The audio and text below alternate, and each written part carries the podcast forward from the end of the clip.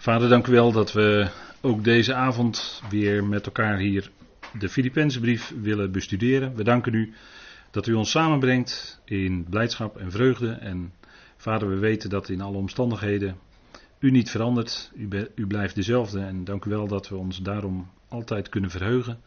We danken u dat dat ook in de brief die we lezen centraal staat. Die vreugde in u. We danken u dat u ons rijk maakt.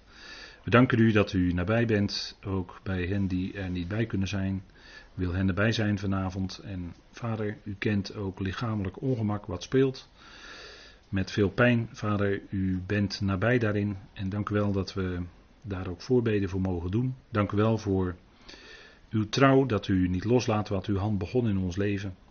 Dank u wel dat u dag aan dag ons draagt en dat we in alles ons bewust zijn dat u nabij bent. Vader, we danken u zo voor deze avond die u geeft. Mag het zijn tot opbouw van ons geloof. Mag het zijn tot uw eer. Wilt u leiden door uw geest. In het spreken en in het luisteren. Geeft u daarin alle wijsheid die nodig is. We danken u dat u in ons in genade aanziet. Ook vanavond. En we danken u daarvoor in die machtige naam van uw geliefde zoon. Amen. Goed, ik wilde met u lezen Filippenzen 4. En dat doen wij vanaf vers 1. Vanaf vers 1. En dan lees ik met u door tot en met vers 7. Daarom, mijn geliefde broeders, naar wie ik ook verlang, mijn vreugde en krans, staat zo vast in de Heer, mijn geliefden. Euodia vermaan ik en Sintige vermaan ik, spreek ik aan, om eensgezind te zijn in de Heer. Ja, ik vraag ook jou, die trouw met mij het juk draagt, sta hen bij. Deze vrouwen die samen met mij in het evangelie wedijveren, en met Clemens en mijn overige medewerkers van wie de namen in de boekrol van het leven staan. Verheugt je in de Heer altijd. Opnieuw zal ik beklemtonen. Verheugt je. Laat jullie inschikkelijkheid bij alle mensen bekend worden. De Heer is nabij. Wees in niets bezorgd, maar laat in alles jullie verzoeken door gebed en door smeekbeden met dankzegging bekendgemaakt worden bij God. En de vrede van God, die alle denken te boven gaat, zal jullie harten en jullie gedachten verzekerd bewaren in Christus Jezus. Tot zover. En we lezen vers 3. We zijn gebleven bij vers 3. Waar staat, ja ik vraag ook jou, die trouw met mij het druk, juk draagt, sta hen bij. En wie die jou is, dat is niet bekend. Daar staat geen naam bij. Iodia en Sintige zijn wel net genoemd, maar deze jou, dat is waarschijnlijk een broeder of waarschijnlijk, eh, dat denken uitleggers, die eh, Paulus trouw terzijde staat. Sommige uitleggers denken aan een Epaphras, anderen denken misschien aan een Timotheus. Dat zou allemaal kunnen. In ieder geval wordt die aangewezen om hen bij te staan. En die hen, dat zijn dan Ewodia en Sintige. En Paulus spreekt eraan eensgezind te zijn of hetzelfde gezin te zijn in de Heer. Dus het waren vrouwen die hem bij, die meewerkten en waar kennelijk toch iets tussen zat. En Paulus roept ze om hetzelfde gezin te zijn, zoals die, die hele gemeente in Filippi ook geroepen had of aansprak om hetzelfde gezin te zijn. En hetzelfde gezin is dan die gezindheid van Christus, zoals we die in deze brief centraal zien, Filippenzen 2. Filippenzen 2, waar onze Heer getoond wordt als het grootste voorbeeld voor deze tijd. Ook in gezindheid, een ootmoedige gezindheid. En uh, vandaar dat de apostel deze Euodia en Sintige aanspreekt om zo gezind te zijn. Hetzelfde gezind te zijn. En dat is belangrijk omdat als er verdeeldheid is, de Heer zei dat al eh, over de tegenstander, als zijn dat, zijn, dat huis is verdeeld, dat huis van de tegenstander. En dat kan op de duur geen stand houden. En dat zal ook blijken in de nabije toekomst. Maar als uh, er verdeeldheid is, en dat is er nogal in, dat treedt nog alles op in gemeentes, en dat was in Paulus dagen ook zo. En vandaar dat hij de Filippenzen er ook op aansprak. Als er verdeeldheid is, dat verzwakt automatisch. Hè. Als er verdeeldheid is, dan kun je niet in volle kracht vooruit, om het zo maar te zeggen, als gemeente dat evangelie uitdragen. En we hebben natuurlijk als gemeente, en dat, was ook, dat gold ook voor de Filippenzen, we hebben natuurlijk een geweldige bediening. De bediening van de verzoening. Een geweldige boodschap, boodschap van genade. En dat evangelie, dat is een fantastisch evangelie. Dat evangelie verandert niet. Dat blijft hetzelfde, dat blijft genade. Daar kun je niet later wet bij mengen, maar dat blijft genade. Dat hebben we met de gelaten brief gezien. Doe je toch, dan krijg je verdeeldheid. Want verdeeldheid in gemeentes heeft heel vaak met die dingen te maken. Dat was bij de gelaten ook zo. Doe je toch, dan verzwak je.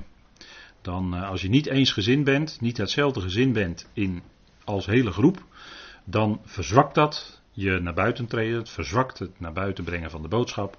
En je moet, uh, om daar, vandaar dat Paulus, en ja, ik zeg moet, dat is het verkeerde woord natuurlijk, want we moeten niets, maar de, hetzelfde gezind zijn, dat is wat Paulus aanwijst. Dat, dat we die gezindheid, hè, dat we die gezindheid van Christus Jezus hebben, dat is die ootmoedige gezindheid. En ootmoedige gezindheid, daar komt uit voort in de praktijk dat je je wil onderschikken. Gezindheid zit van binnen, maar naar buiten komt dan dat je je wil onderschikken. En onderschikking is altijd aan het woord. Onderschikking is nooit aan een mens, maar is altijd aan het woord. Je wilt je onderschikken aan het woord. En het woord van de verzoening is wat leidend is. Dat was zo en dat is zo en dat zal zo zijn tot de bazuin. Het woord van de verzoening is leidend en dat zouden we naar buiten brengen, want daar gaat het om. En als je intern verdeeld bent, als groep, en dat geldt voor elke gemeente, waar, waar, dan ook, en zeker ook voor de Filippenzen, dan verzwakt dat. Kijk, die Thessalonicense was een gemeente waar eenheid was. Die namen dat woord van God ook aan, niet als een mensenwoord, maar wat het werkelijk is, het woord van God. En de Thessalonicense, die, ja, die droegen dat woord binnen de kortste keren uit in een heel groot gebied. Dan heb je enorme kracht als je met z'n allen achter dat evangelie staat. Dat is de bediening. Dat is het dienstwerk in de gemeente. Elk stukje dienstwerk in de gemeente is erop gericht om het woord van de verzoening uit te dragen. Om dat uit te brengen. Daar gaat het om. En dan heb je, en als dat gaat en als dat zo is, dan is dat de ideale situatie. En natuurlijk, daar zijn altijd dingen, maar dat zou, daar zouden we voor staan. En daar staan we voor. We staan voor het evangelie van de verzoening en van de genade. En dat uh, mag voluit klinken in Nederland. En dat doet het ook. En het, het reikt heel ver dat woord. En ja, mensen die uh, reageren erop. Mensen komen in de vrijheid. Mensen komen in de genade. Gaan ontdekken wat genade werkelijk betekent. Gaan ontdekken dat God werkelijk liefde is. Dat, dat hij niet mensen voor eeuwig veroordeelt. Dat er niet ergens nog een kamertje is waar mensen toch nog verloren gaan. Nee, alle mensen worden behouden. En als mensen in die vrijheid komen, die geweldige grote boodschap, dan is dat enorm. En dat gaat steeds meer doordringen. En daar mogen wij dan een instrumentje bij zijn. En dat, is, dat doen we in alle ootmoed. Want wie zijn wij? Wie zijn wij? Dat, dat God ons dat gegeven heeft. Dat is niet omdat wij zulke geweldige mensen zijn. Maar dat is omdat God ons genade schenkt. En dat Hij dat woord in ons midden heeft gelegd. In ons heeft gelegd zelfs. En daar kunnen we van spreken. Hij heeft dat woord van de verzoening in ons gegeven. En daarin dragen we in feite, hè, want dat, dat, die medejukdrager, dat denken sommige uitleggers hier in Filippenzen 3, daar wordt ook wel eens van gedacht dat dat die hele gemeente in Filippi is. Dat zou ook nog kunnen. dat, uh, en, in die zin, als je het zo ziet, dan zijn wij ook met de apostel Paulus zelfs medejukdrager. En kijk, in een juk, uh, in een gelijk juk, hè, want Paulus zegt in een andere brief dat we zouden lopen in een gelijk juk. En als je in hetzelfde juk loopt, dan, uh, dan zorgt de een, dan houdt het automatisch in dat de een niet te ver vooruit kan lopen op de ander, want dan gaat dat juk natuurlijk schuren, aan, bij allebei. Want dan gaat het scheef en dan gaat het bij allebei gaat het schuren. Dat, dat werkt niet, hè. Dus het juk, als je daar gelijk oploopt, dan is dat fijn. En als je in een gelijk juk gaat, dan, dat is, dat is wat Paulus ons voorhoudt. Dat beeld van een juk gebruikt hij ook, dat weet u wel, in 2 Korinthe 6. Vormt geen ongelijk juk met ongelovigen. En dat zegt hij niet alleen over het huwelijk, maar dat zegt hij ook over breder, over samengaan met ongelovigen in wat dan ook. Want vroeg of laat gaat dat schuren gaat dat last geven. En dat in een gelijk juk gaan. Hè, als je vroeger had je een span ossen en dat ging dan, in, dat ging dan onder zo'n juk. En dat moest dan die ploeg eh, door dat land heen trekken. Nou, dan zorgde diegene die erachter liep, die zorgde er wel voor dat die ossen gelijk opliepen. Want anders ging dat juk aan alle kanten schuren natuurlijk. Maar dat heb je ook bij, dus in praktijk van dagelijks leven. Vandaar dat Paulus dat woord, dat woord gebruikt, tsuge, hier in het Grieks. Uh, dat het dus uh, gelijk op moet gaan. Hè? En dat is ook zo in de gemeente. Kijk, in de gemeente heeft ieder een mate van geloof. Hè? Dat is ook fijngevoeligheid, hoe je met elkaar omgaat. Uh, liefde met fijngevoeligheid, hè? daar heeft Paulus over gebeden in Filippenzen 1. Ik hoop niet dat u dat al vergeten bent, maar dat u dat ook bidt voor uzelf. Liefde met fijngevoeligheid. Dat fijngevoeligheid houdt in dat je, kijk, de een is misschien wat verder in de kennis dan de ander. De een is misschien wat verder in het geloof dan de ander. En de een is misschien zwak in het geloof en de ander is sterk in het geloof. U weet waar die dingen mee te maken hebben. Dan zouden we in de liefde en in de ootmoedigheid met elkaar rekening houden en niet te ver vooruit lopen. Want dan heb je ook dat beeld van het juk wat gaat schuren.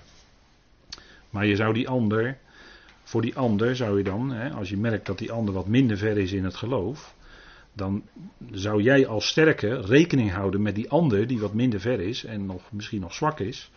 Uh, in liefde daarmee rekening houden. En, en dat geldt natuurlijk in, in allerlei opzichten. Ook in uh, ja, onderling, onderlinge verhoudingen tussen mensen in de gemeente, tussen gelovigen, daar, daarin is het gewoon heel erg belangrijk. Mede juk dragen. We lopen dan in een gelijk juk. En Paulus die is een hele liefdevolle aanwijzing, is echt geen strenge wet, maar is een liefdevolle aanwijzing. Vorm nou geen ongelijk juk met ongelovigen.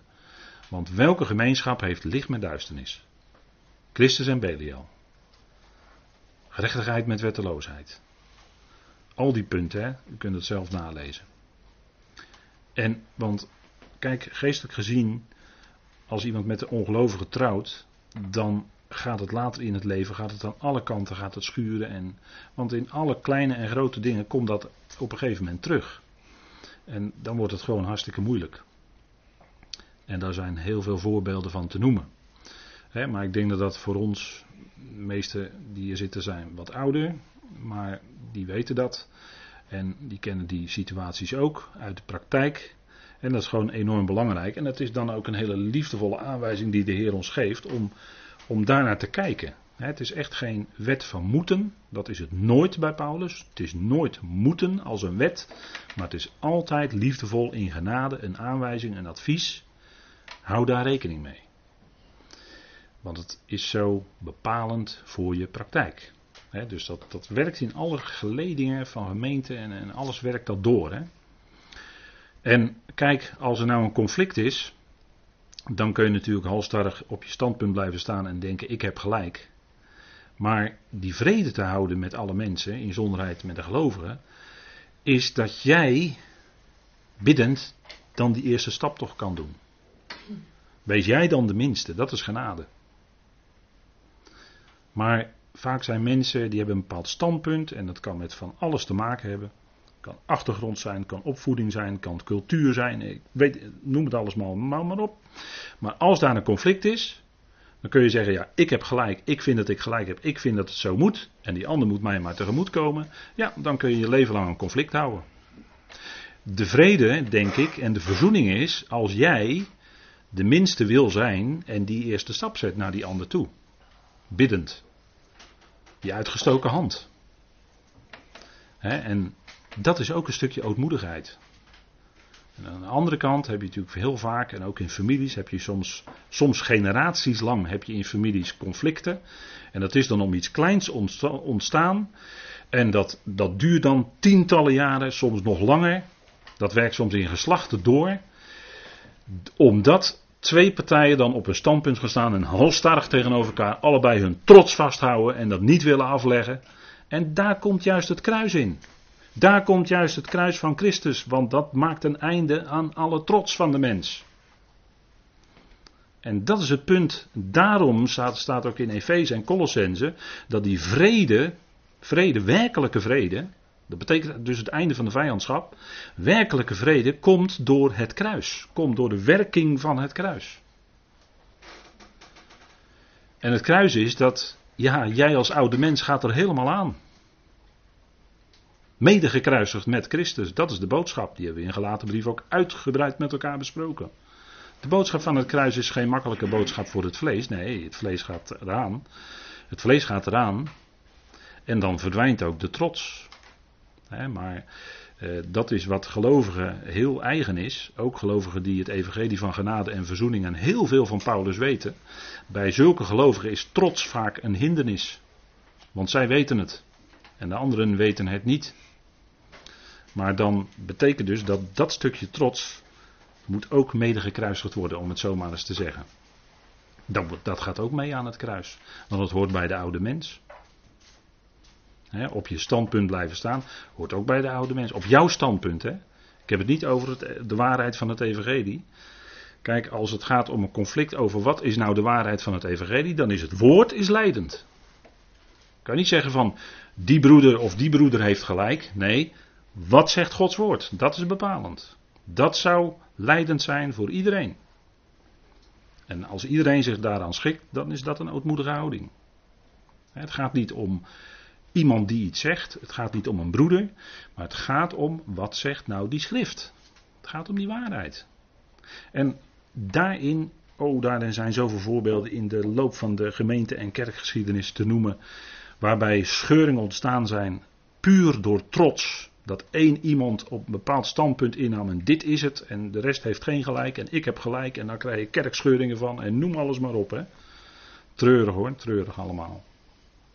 Maar dat komt omdat die mens in zijn trots blijft staan en die trots niet, mee, dat is, dat, die ziet dat nog niet als gekruisigd. Het is wel zo, het is een feit, maar voordat je ogen daarvoor geopend worden, de ogen van je hart, dat ook die trots van jou mede gekruisigd is en dat het dus niet, dat het dus eigenlijk uit de weg moet. Ja, dat, daar, dat is een proces. Dat, daar moet soms eh, de Heer even jou zo aantikken voordat je dat gaat zien. Soms leer je dat door moeilijkheden. Soms leer je dat doordat ineens een woord jou raakt en gaat werken in jouw leven. En dat is de Heer die dat doet. Dat is de Heer die jou raakt. En dat gaat dan werken in jouw leven en dan gaat het opzij. En dat is, uh, ja, dat is iets wat hinderlijk, hinderlijk kan zijn, menselijke trots. maar in gelijk juk, hè, want ik praat nu over een gelijk juk. Als die trots daar niet is, dan gaat het goed, dan gaat het in datzelfde juk en dan is er veel mogelijk. En is dat niet zo, ja, dan schuurt het, dan, dan, dan ontstaan de schrijnplekken en noem maar op. En dat, dat, uh, dat steekt dan. En als dat meer en meer opzij gaat, dan is er steeds meer mogelijk. Want de gemeente zou zijn pijler en fundament van de waarheid. De gemeente zou in deze tijd de waarheid naar buiten brengen. En die waarheid is het evangelie van de verzoening en de genade, zoals Paulus dat brengt. En daar staan gelovigen, als het goed is, voor. En dan zegt hij, sta hen bij. Dus de medejukdrager, die spreekt hij aan om die beide vrouwen bij te staan. En dat betekent uh, eigenlijk, ja, er zit iets in van uh, opwaarts. Dus van, je zou kunnen zeggen, als je het wat vrij vertaalt, iets van opbouw. Uh, dus ze, ze, ze als het ware tot je nemen. En misschien bepaalde dingen zeggen. Of over dat onderlinge conflict met elkaar eens gaan spreken. Hè, om dat dus onderling misschien eens uit te spreken. Um, en op die manier opwaarts te werken. Hè? Dus dat, dat het weer opwaarts gaat. En eh, kijk, dat, dat, dat, zoals Paulus dat hier aanreikt, hè, is niet om te zeggen van jij moet, uh, jij moet ze even flink op hun plaats zetten. Nee, uh, hij zegt, hè, degene die trouw met mij het juk draagt, sta hen bij. Dus en, bijstand verlenen is dan hier zorgen dat die dat wat er speelt, dat dat op de achtergrond raakt op een of andere manier. En je hoort daar eigenlijk, je leest daar eigenlijk in de genade, dat het dus niet erom gaat van eh, nu moet je eens even flink een paar zaken aan die eh, beide dames opleggen. Van de een moet zus en de ander moet zo. Dus allebei in de hoek zetten, helemaal niet, integendeel zelfs. Sta hen bij. Want kijk, dat zijn ook mensen, zoals Paulus dat zegt, deze vrouwen die samen met mij wedijveren in het evangelie.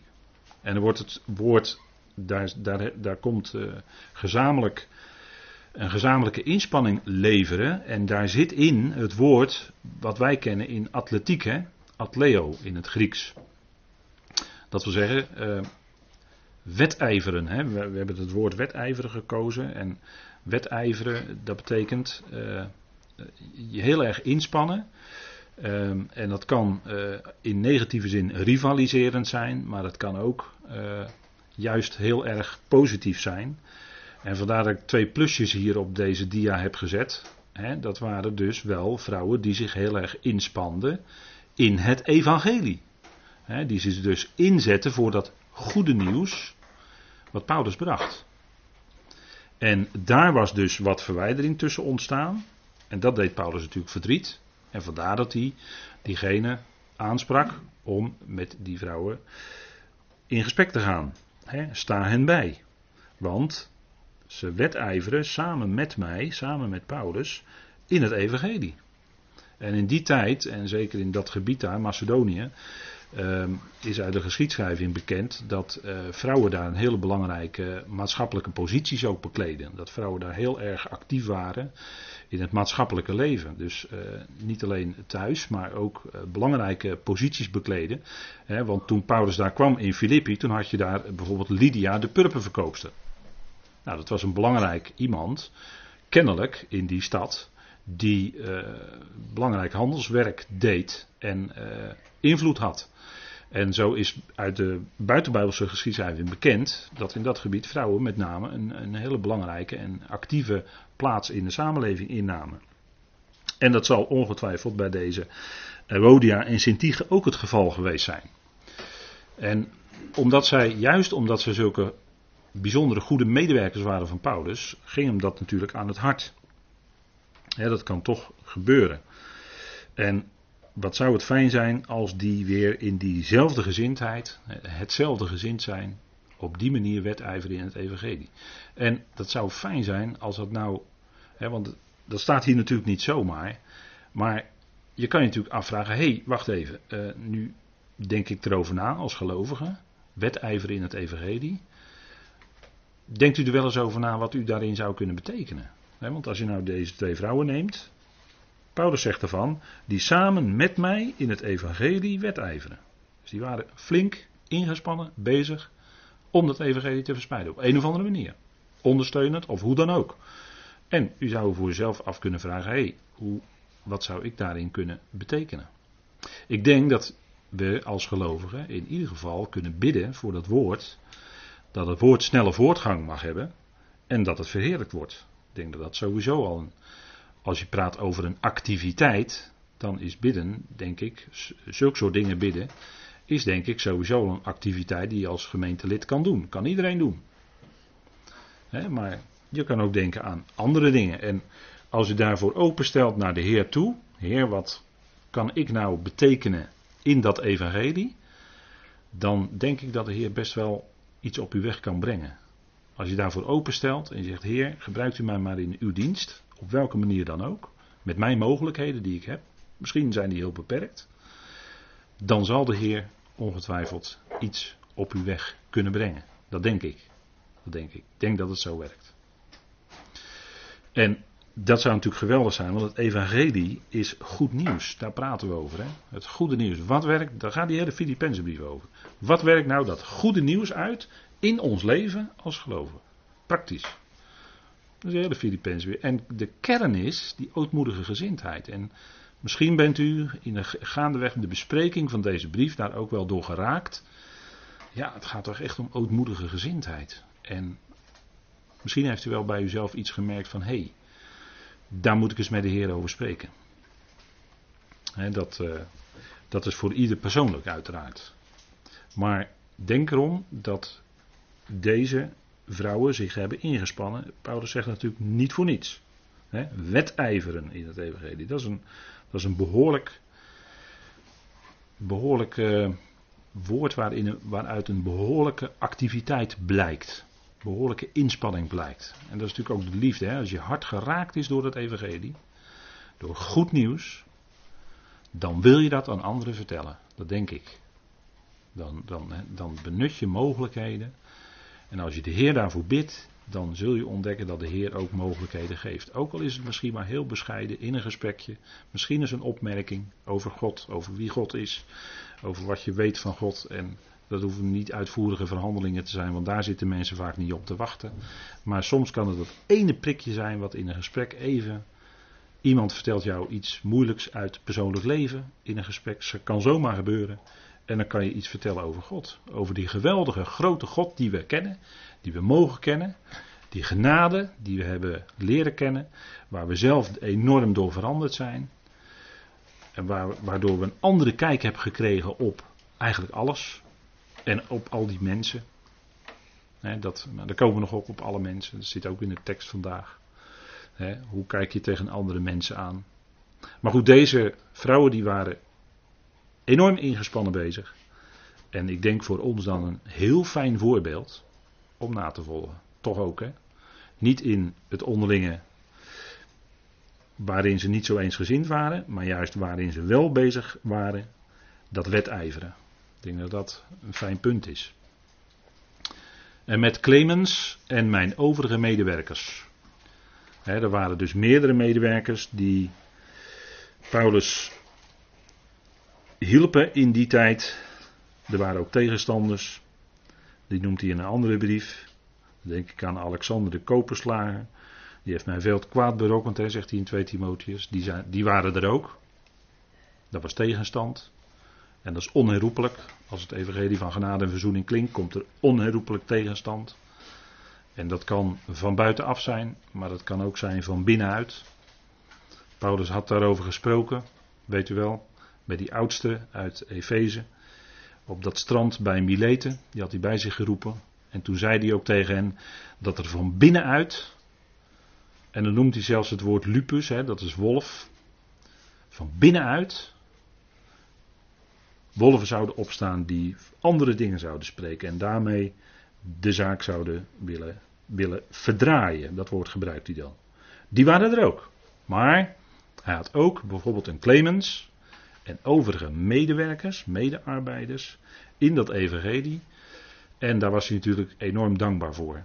er waren ook velen die hem hielpen en die dat werk ondersteunden. En de Filippenzen die ondersteunden dat werk. En daar, daar hoefde Paulus echt niet om te vragen, dat deed hij trouwens ook nooit.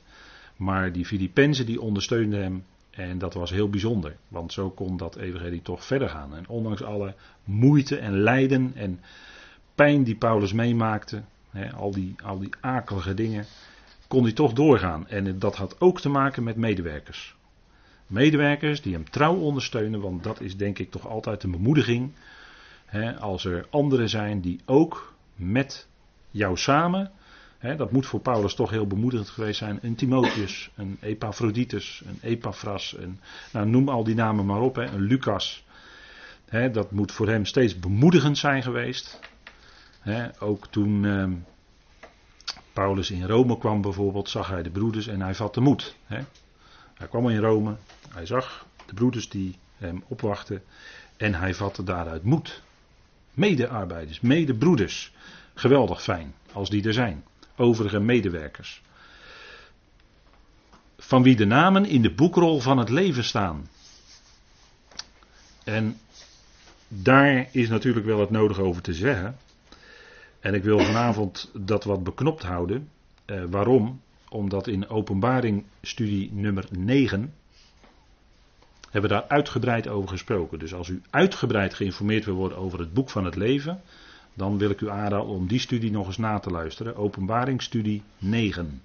U kunt het opzoeken. Het staat er ook bij vermeld dan, als u het opzoekt. In het uh, uitklapmenu, dan ziet u daar staan bij nummer 9, boekrol van het leven. Daar wordt het uitgebreid in besproken. En dan vooral wel toegespitst op openbaring en de poel des vuurs en dergelijke. Maar ik wilde daar vanavond toch even een paar highlights van neerzetten om dat toch wat voor u te verduidelijken van hoe zit dat nou? Clemens en mijn overige medewerkers van wie de namen in de boekrol van het leven staan. Wat betekent dat dan?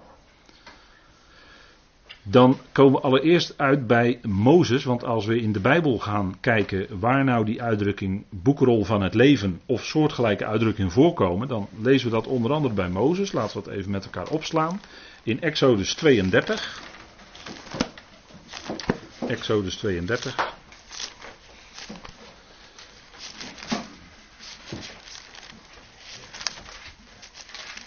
En daar gaat het bij Mozes natuurlijk om dat Mozes daar de Torah, de tien woorden, ontving op de berg. En omdat het wat te lang duurde, maakte het volk onder leiding van Aaron notabene een gouden kalf. En dat was, na, dat was een, een replica van de stiergod Apis, die ze uit Egypte kenden. Kalf, dat is uh, een, uh, waarschijnlijk een, een kalf van een stier. Een kalf, een stier. En die, had, die stond in hoog aanzien in verband met, uh, die werd dan als God vereerd, uh, in verband met de vruchtbaarheid en de kracht en dergelijke. En uh, dat maakte zij dus na, want het duurde wat te lang en daar wilden zij niet op wachten en ze maakten een gouden kalf. En toen kwam Mozes naar beneden en toen zag hij de dans om dat gouden kalf en toen liet hij, niet van schrik denk ik, maar toen was hij boos denk ik, liet hij die stenen tafel uit zijn handen vallen. Of hij gooide ze, smeet ze op de grond en waardoor ze braken. Als teken van het feit dat voordat ze, dat, voordat ze die Torah ontvangen hadden, dat, dat eigenlijk al gebroken hadden wat erin stond. Hè? Het volk had het al verbroken in feite. Je zult de Heer je God alleen lief hebben en hem alleen dienen. Je zult geen gesneden beeld maken. En er stond een gouden kalf. Dus ze hadden nog niet eens dat ontvangen of ze verbraken het al. Vandaar dat die stenen tafel op, bam, gebroken. Als teken dat het volk dat al gedaan had. En toen kreeg Mozes genade, want hij mocht opnieuw de berg op. En ontving opnieuw steen aan tafel. En omdat de Heer dat natuurlijk had gezien van die gouden kalf, wilde de Heer de, het volk eigenlijk, wilde de Heer dat volk eigenlijk uit zijn ogen wegdoen.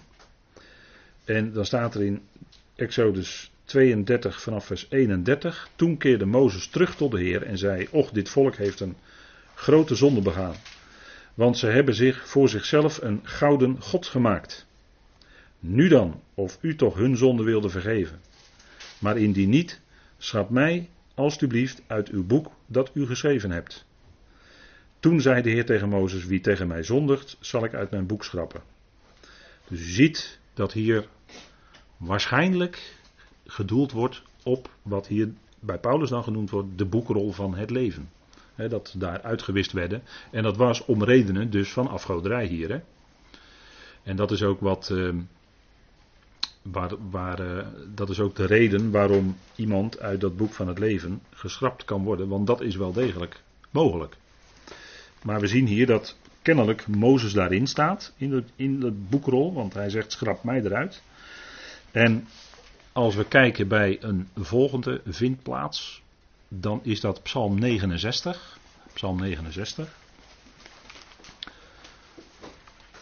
En dat is een psalm van David. Hè? Dat is een van die zogenaamde, wat men dan zegt, Messiaanse psalmen. Maar het is mijn stellige overtuiging dat alle psalmen over Christus gaan in eerste instantie. Alle psalmen. En pas daarna over mensen, over het uh, volk Israël en noem maar op.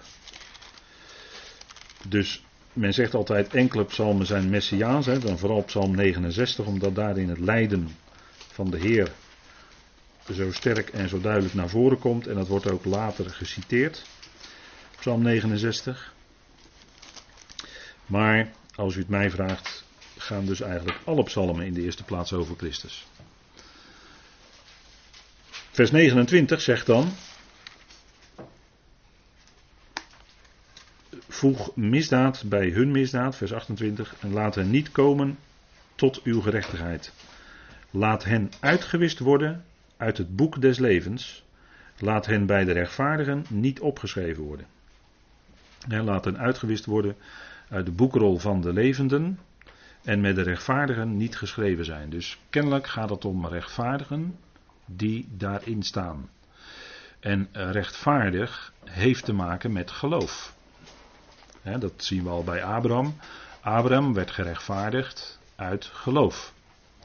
dat had niet met werken te maken, maar met geloof. En zo waren er natuurlijk onder dat volk, Israël, waren er vele. En eh, in de woestijn werden er veel, kwamen er veel om en mocht het land niet ingaan vanwege ongeloof. Je zou je kunnen afvragen of degenen die omkwamen in de woestijn vanwege dat ongeloof, die generatie, of die ook niet allemaal geschrapt zijn uit het boek van het leven. Weten we niet, maar het zou zomaar kunnen. Want het heeft te maken met rechtvaardig zijn en dat heeft te maken met geloof. Hè. Dat lezen, lezen we ook uit Hebreeën 11. En ook wat opvallend is dat die boekrol van het leven eh, toch eigenlijk voornamelijk in verband met het volk Israël wordt gebracht hè, in de Bijbel. En we lezen dat. Ik heb die andere tekstverwijzingen erbij gegeven om het vanavond niet te uitgebreid te doen. Uh, alleen de hoofdlijn aangeven. Uh, Jezaja 4, Daniel 12, Malachi, daar wordt ook gedoeld op waarschijnlijk het boek van het leven. De heer Jezus zei ook daar iets over. Hij zei tegen zijn discipelen: Verheug je daarover. Hè, verheug je niet zozeer dat de machten je onderworpen zijn. Laten we het even met elkaar opzoeken. We kunnen het even precies lezen wat er staat. Lucas 10. Lucas 10.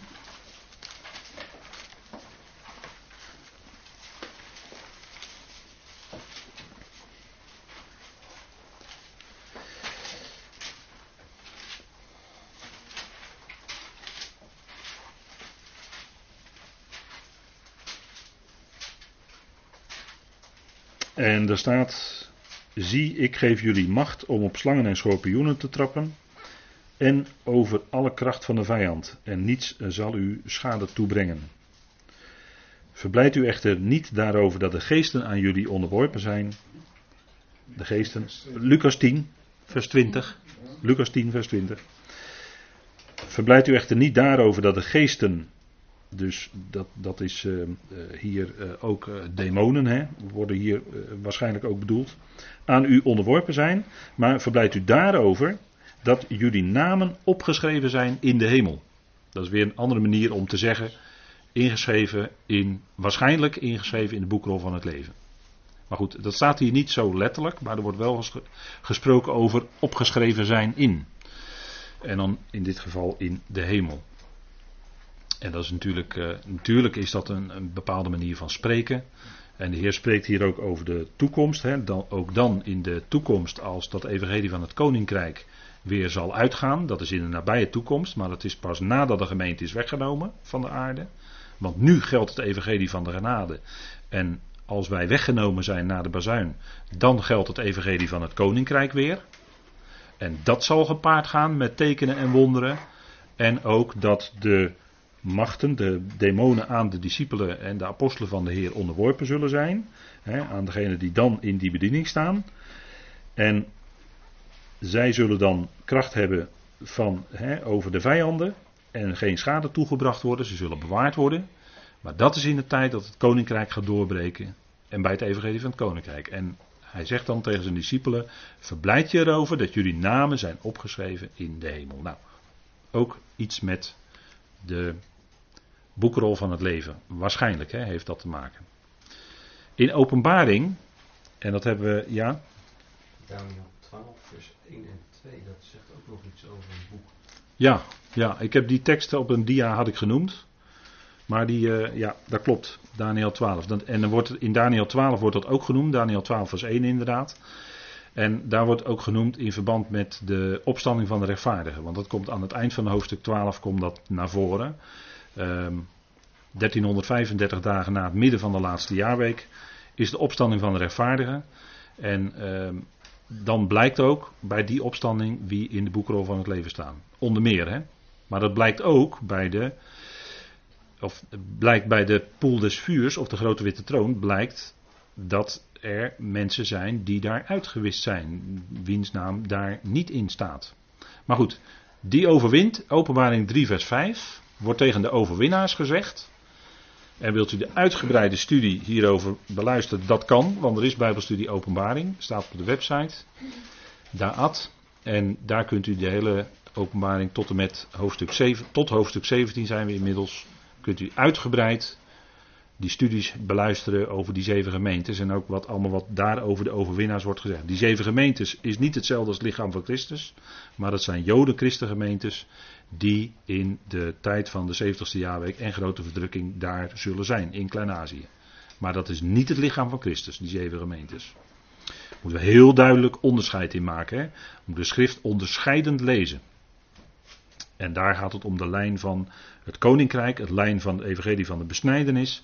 Gaat over zeven Joodse christengemeentes, is niet het lichaam van Christus. Openbaring 3 vers 5 wordt tegen de overwinnaars gezegd. Die overwint, diens naam wordt niet gewist.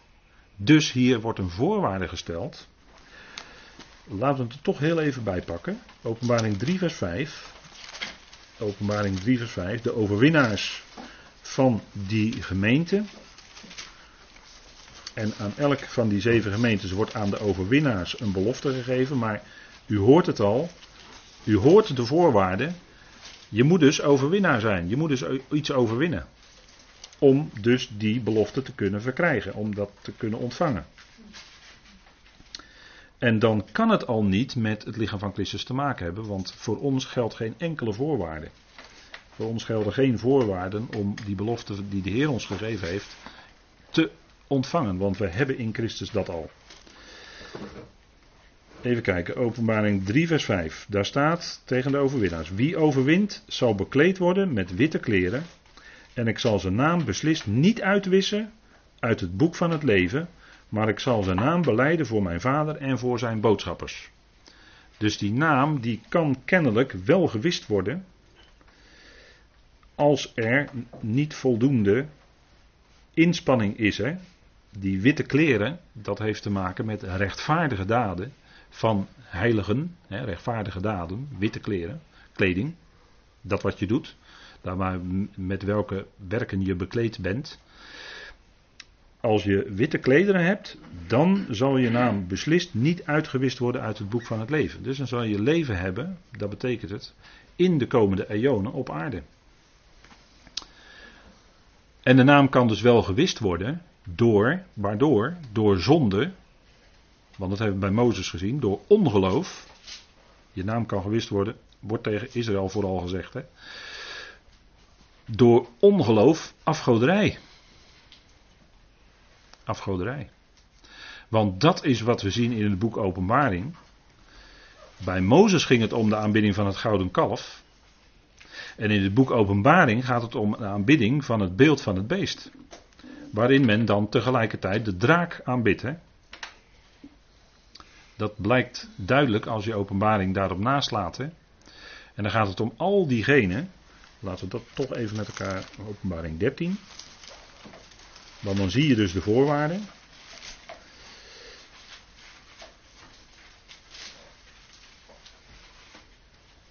Openbaring 13, vers 8.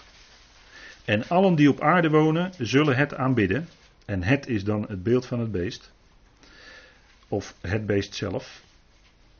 Van wie de namen niet geschreven zijn in het boek van het leven van het lam. Dat geslacht is van de nederwerping van de wereld af. dus hier wordt het in verband gebracht met vanaf de nederwerping van de wereld. En dat gebeurt ook in openbaring 17 vers 8. Dus die mensen die het beeld aanbidden, het beest aanbidden en daarin de draak, die hun namen al stonden zij in de boekrol van het leven, worden op basis daarvan eruit gewist. Dus die worden gewist uit de boekrol van het leven.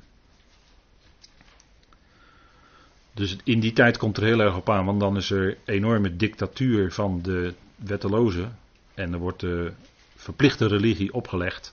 De verplichte religie van de eindtijd is dat het beest en het beeld van het beest aanbeden moet worden. En daarin dus de draak. dat zal dan echt op straffen van de dood zal het opgelegd worden. Dus als je niet aanbidt in die tijd, dus die afgod, dat beeld of wat dan ook, dan, zul je, dan loop je een groot risico dat je gedood wordt. En je moet ook het merkteken van het beest in die tijd hebben. Want als je dat merkteken niet hebt, dan zul je niet kunnen kopen of verkopen. hebben we allemaal bestudeerd al in het boek Openbaring. Dat staat er allemaal. Dus dat is ernstige zaak. En dan wordt er dus gezegd, en dan keren we even terug naar Filippenzen, want daar wordt ook die boekrol van het leven genoemd.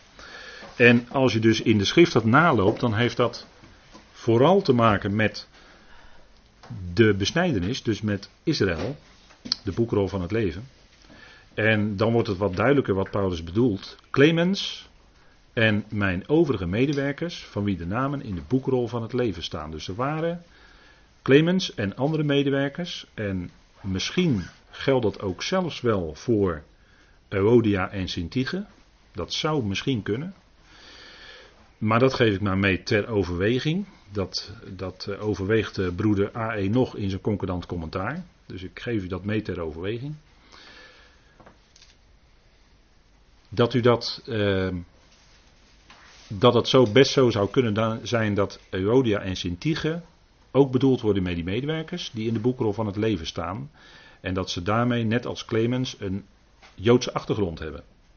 En misschien nog niet helemaal dat kwijt waren, dat nog niet als verwerkt achten, zoals Paulus dat wel had geacht, hè, waar hij Filippenzen 3 uitgebreid over spreekt, want dat is de context. Dat is het tekstverband waar het in staat. Medewerkers uit de besnijdenis die met Paulus samen arbeiden, zij blijven in de boekrol van het leven staan en delen in de unieke roeping van het lichaam van Christus. Want er waren mensen in die tijd die gelovig waren in het evangelie van de besnijdenis, wat Petrus verkondigde, maar later oren kregen naar Paulus en Paulus gingen volgen. En, op en daardoor, omdat ze Paulus gingen volgen, verzegeld werden met de geest van de belofte de heiligen. En zo op die manier toegevoegd werden aan het lichaam van Christus.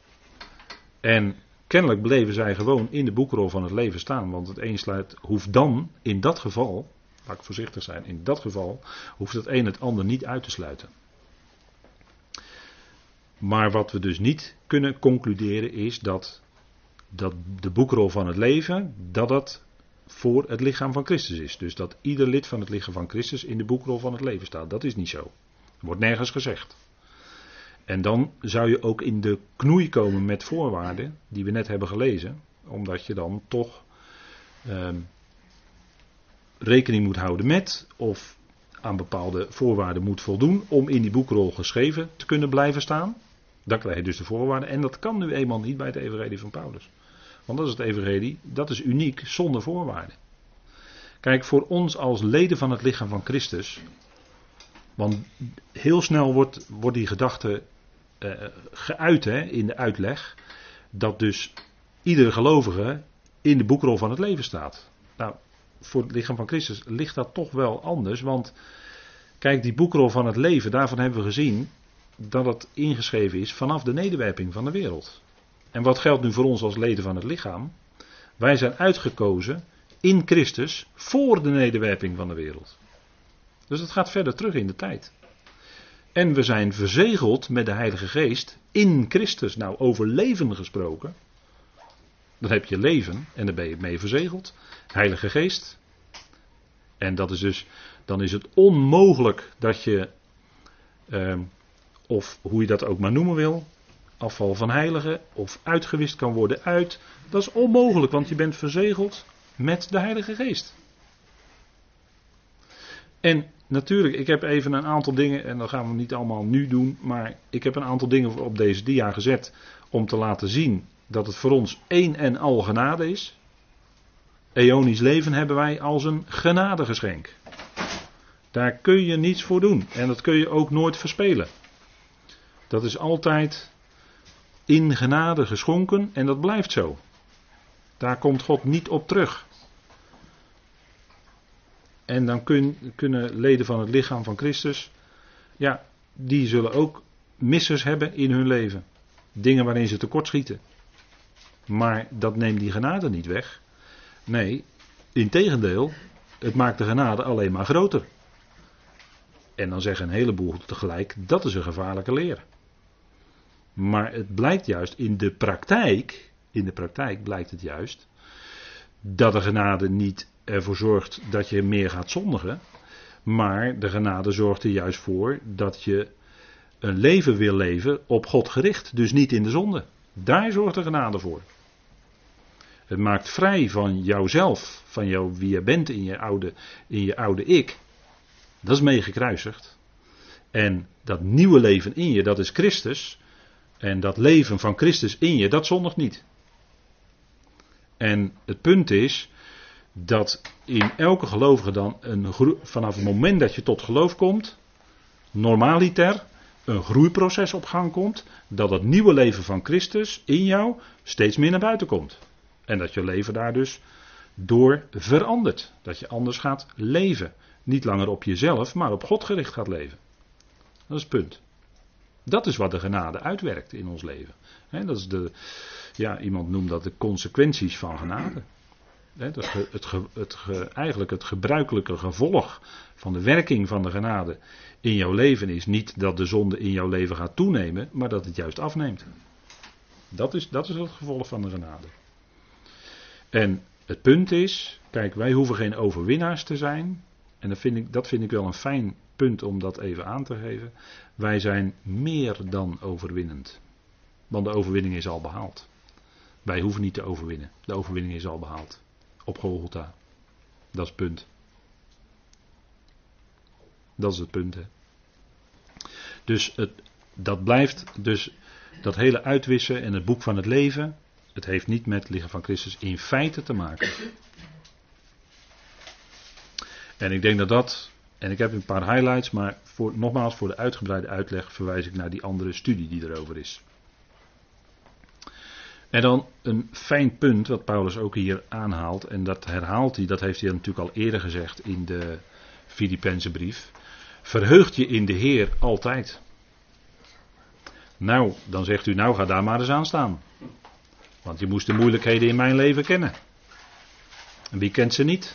Nou, ik denk dat apostel Paulus wel kon meepraten over moeilijkheden hoor. En over lijden en strijd en pijn. En veertig min één slagen krijgen. En gestenigd worden. En schipbreuk lijden. En een nacht en een dag in een moeras doorbrengen. En zo. Dus Paulus kon er wel over meepraten. En toch zegt deze apostel, van wie ik net even een aantal dingen opnoemde in zijn leven, al dat lijden, toch zegt hij, verheugt je in de Heer altijd. Kijk, dat in de Heer heeft natuurlijk te maken met in zijn dienst staan, hem dienen, want hij is Heer en wij zijn slaaf. Dat is natuurlijk een beeldspraak, slaaf. Want de slavernij is al lang afgeschaft, hè, gelukkig. Maar hij is Heer en wij dienen hem als slaaf. Dat wil zeggen, de Heer wijst je die kant op, dan ga je die kant op. En de Heer wijst je de andere kant op, dan ga je de andere kant op. En dat was in het leven van Paulus zo. Hè, onlangs heeft uh, Ruud Boukema gesproken over Troas. En dat vond ik wel aanspreken. Want uh, daar was ook zo'n situatie. Van ja, welke kant moeten we nu op? Nou, de Heer zegt. Uh, kom over en help ons. Hè, Macedonisch man in een droom. Of in een visioen. Hè, kom over en help ons. En Paulus moest verder. Hij dacht dat hij misschien een hele andere kant op moest, maar de Heer maakte hem duidelijk: nee, je gaat die andere kant op. En Paulus ging, want hij was een slaaf, hè, hij diende als slaaf. En kijk, dat is dienen met van binnen blijdschap. En dan kunnen de tranen in je ogen zijn en het verdriet en het lijden in je gezicht gekerfd staan. Dat kan. Ik denk dat het bij Paulus ook zo was. En toch van binnen heb je die blijdschap. Hoe kan dat nou? Wat is nou dat geheim? Ik denk dat we dat net met, in de vorige dia met elkaar al gelezen hebben. Dit is het geheim van die blijdschap. Wat we hier allemaal, dit is een bloemlezing uit het Evangelie van Genade. En dat is nog lang niet uitputtend hoor, dit. Dit zijn maar een aantal punten. Maar ik denk, kijk, als dit, als je dit beseft, hè, dit, die geweldige genade die in ons leven gekomen is. Die boodschap, die verzoening. Zoveel zegeningen, zoveel rijkdom hebben ontvangen. Dat is echte rijkdom. Daar kan een dikke bankrekening met euro's of met dollars of met goud of weet ik wat allemaal niet tegenop. Maar dit is ware rijkdom, hè? Dit is de ware rijkdom. Rijk zijn in Hem. Kijk, en omdat het dat evangelie is, is, is, blijven benadrukken, dat evangelie is helemaal doordrenkt van de genade van God. En het woord verheugen zit natuurlijk heel dicht aan tegen genade. Het, woord, het Griekse woord voor genade is charis. En het woord voor vreugde is chara. Nou, dat is, dat is vrijwel hetzelfde. Hè? Dus die genade en die vreugde, dat zit gewoon op elkaar. Dat is, dat is gewoon met elkaar verweven. Kijk, ehm, als jij te horen krijgt, als, als zondaar voor het eerst, voor het eerst echt tot je doordringt, dat jij als zondaar genade ontvangt, dus dat jij niet veroordeeld wordt, maar dat je genade krijgt, dan bewerkt dat in jouw hart automatisch vreugde. Dat, dat is als vanzelf. Daar wordt een zondaar blij van. Als die genade ontvangt, niet dat hij veroordeeld wordt, daar word je niet blij van. Nee, je wordt er blij van van binnen en je blijft dat als je genade ontvangt. Er is geen veroordeling voor hen die in Christus Jezus zijn. Dat is genade. En dat zou onze vreugde zijn. En Paulus zegt dan ook: verheugt je in de Heer. En wie is de Heer? De Heer is de redder van alle mensen. dat verkondigt zelfs Petrus tegen Cornelius. Jezus Christus, hij is Heer van allen.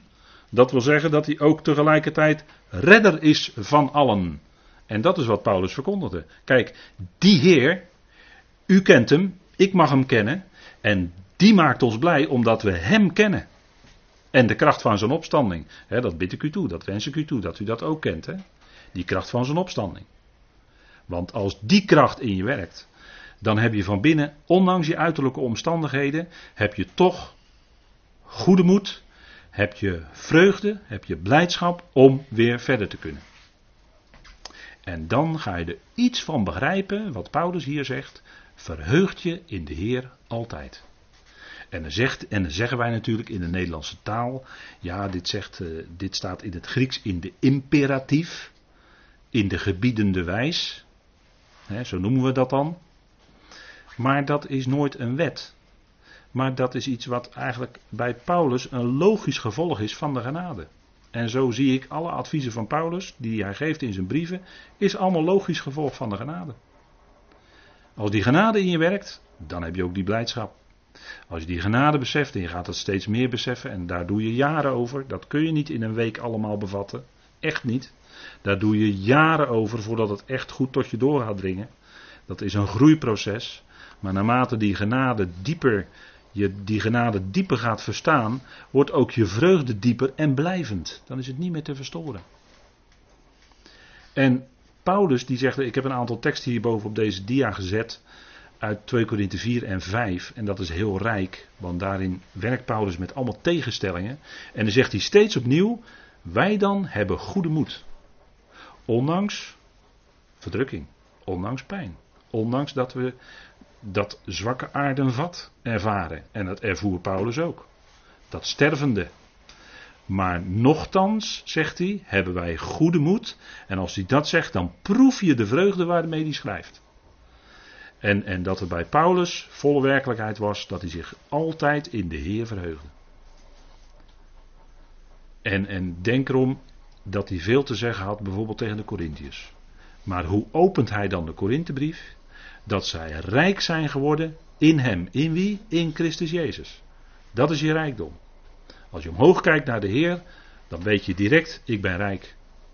En als je ochtends wakker wordt en je denkt aan de Heer, dan ben je gelijk blij van binnen, want je mag Hem kennen. En Hij is heel dicht nabij in je omstandigheden. En ook in moeilijke dingen als lichamelijke pijn, zeker. En dat is heel moeilijk als dat, als dat er is. Zeker als de pijn heftig is, dat is heel moeilijk. En Paulus wist dat. Paulus had het ook ervaren. De pijn van de letterlijke stenen die hij naar zijn hoofd kreeg. Die pijn. die kende hij ook. En, en dat was en dat herhaalt hij toch steeds in zijn. Hè? 1 Thessalonicense 5. Hè? Verheug je in de Heer altijd, hè? te allen tijden. Dat is omdat de Heer nabij is. Die Heer die is er altijd. En, en daarom zegt hij ook opnieuw, zal ik tegen jullie zeggen, verheugt je. En het punt is, kijk, wij dienen de Heer. En eerder vanavond begon ik daar eigenlijk al mee. Waarin dienen wij de Heer? Wij dienen de Heer in de verzoening, in het geweldige feit dat God in Christus de wereld met zichzelf verzoenend was. Wat zeg je? De wereld. Oh, dus niet alleen de gelovigen, of niet alleen de uitverkorenen. Nee, nee, nee, staat er niet, staat er niet. Er staat dat God was in Christus de wereld. met zich verzoenen. Dat staat er. 2 Korinthe 5, hè? bekende woorden. Maar we vergeten het misschien wel eens. God was in Christus en dat is een geweldige evangelie. Dat is echt goed nieuws hoor. En hij heeft dat woord van de verzoening, zegt hij in één adem, hij heeft dat woord van de verzoening in ons gelegd. In ons hart. Ja, en als het in je hart is, dan komt het ook naar buiten toe natuurlijk. Want uit het hart zijn alle oorsprongen van het leven. Hè? Wat in het hart zit, dat komt eruit. En dat blijkt ook, het eerste, eerste blijkt altijd op de tong. Hè? De, tong, de lippen, de keel. Hè? En bij de oude mens is het niet gezellig wat er dan allemaal uitkomt. Lees Romeinen 3 maar. Hè? Maar daar spreekt Paulus het eerst over wat uit die mond komt. Hè? Hun keel is een geopend graf. Nou, een duidelijke beeldspraak eh, kan ik niet bedenken hoor. Dat is erg duidelijk hè. Maar bij ons als gelovigen zou onze woorden, zouden onze woorden dat niet meer, dat, zou allemaal, dat is dan allemaal weg, toch? Dat is dan allemaal weg, al die, al die taal. Die taal van ongelovigen, dat is toch allemaal weg. Dat is toch, dan, dan spreken wij toch genade. Dan spreken wij toch woorden die tot opbouw zijn. Indien er een goed woord is tot opbouw, opdat het genade geeft aan degene die horen. Wat gaat er nou uit jouw mond? Als je daar zelf eens op let, Misschien schrik je dan af en toe wel eens. Maar ja, misschien ben je wel zo'n uh, stadsmens, laat ik dat maar zeggen. Stadsmens die het hart op de tong heeft en die van alles uitflapt. En geen idee heeft wat je bij anderen aanricht. Want denk erom dat woorden. Och, och, och, jongens. Dat woorden bij mensen wat teweeg kunnen brengen hoor. Woorden die je gezegd hebt, die kun je niet meer, namelijk niet meer terugnemen. Die zijn gehoord. Kun je niet meer terugnemen. Woorden kunnen veel langer en veel meer pijn doen dan een klap in je gezicht. Een letterlijke klap bedoel ik dan. Denk erom hoor. met woorden kun je mensen ontzettend veel verdriet doen. Kun je mensen veel dieper treffen dan je beseft. wat dat betreft zouden we lezen wat Paulus zegt in Efeze 4. Zouden we dat maar even met elkaar lezen. Ik denk dat dat wel weer goed is om dat weer eens een keer te zeggen.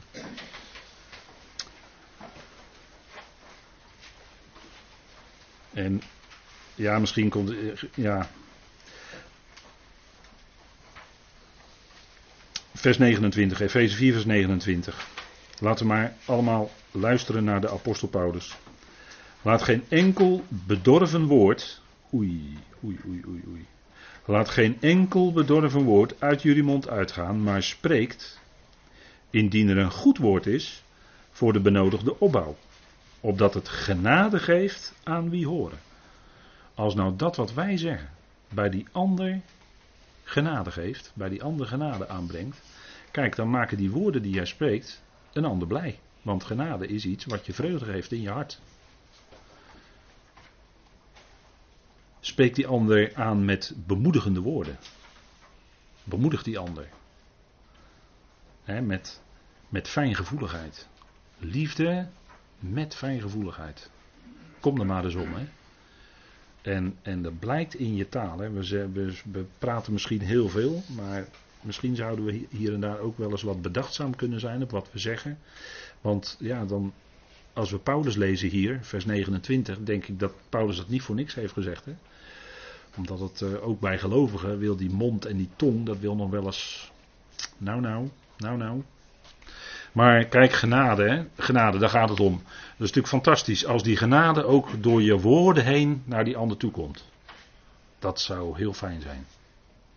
En kijk, dat evangelie wat we mogen kennen, waarin we ook de Heer willen dienen, is dit hè. Overstromende genade. Heeft u er wel eens met de ander over gesproken? Joh, weet jij wat overstromende genade is? wat zeg je nou? Ik heb wel eens van wateroverstromingen gehoord, maar van genade, nou, daar kan je dan over vertellen. Rechtvaardiging door geloof. Kom er maar eens om. Hè. De goede werken, dan wandelen wij in de goede werken die God tevoren gereed maakt. Dat zegt Paulus allemaal. Goed doen aan allen, inzonderheid aan de gelovigen. Hebben we ook gelezen hè, in Galaten 6. Nou, dat zijn zo van die dingen.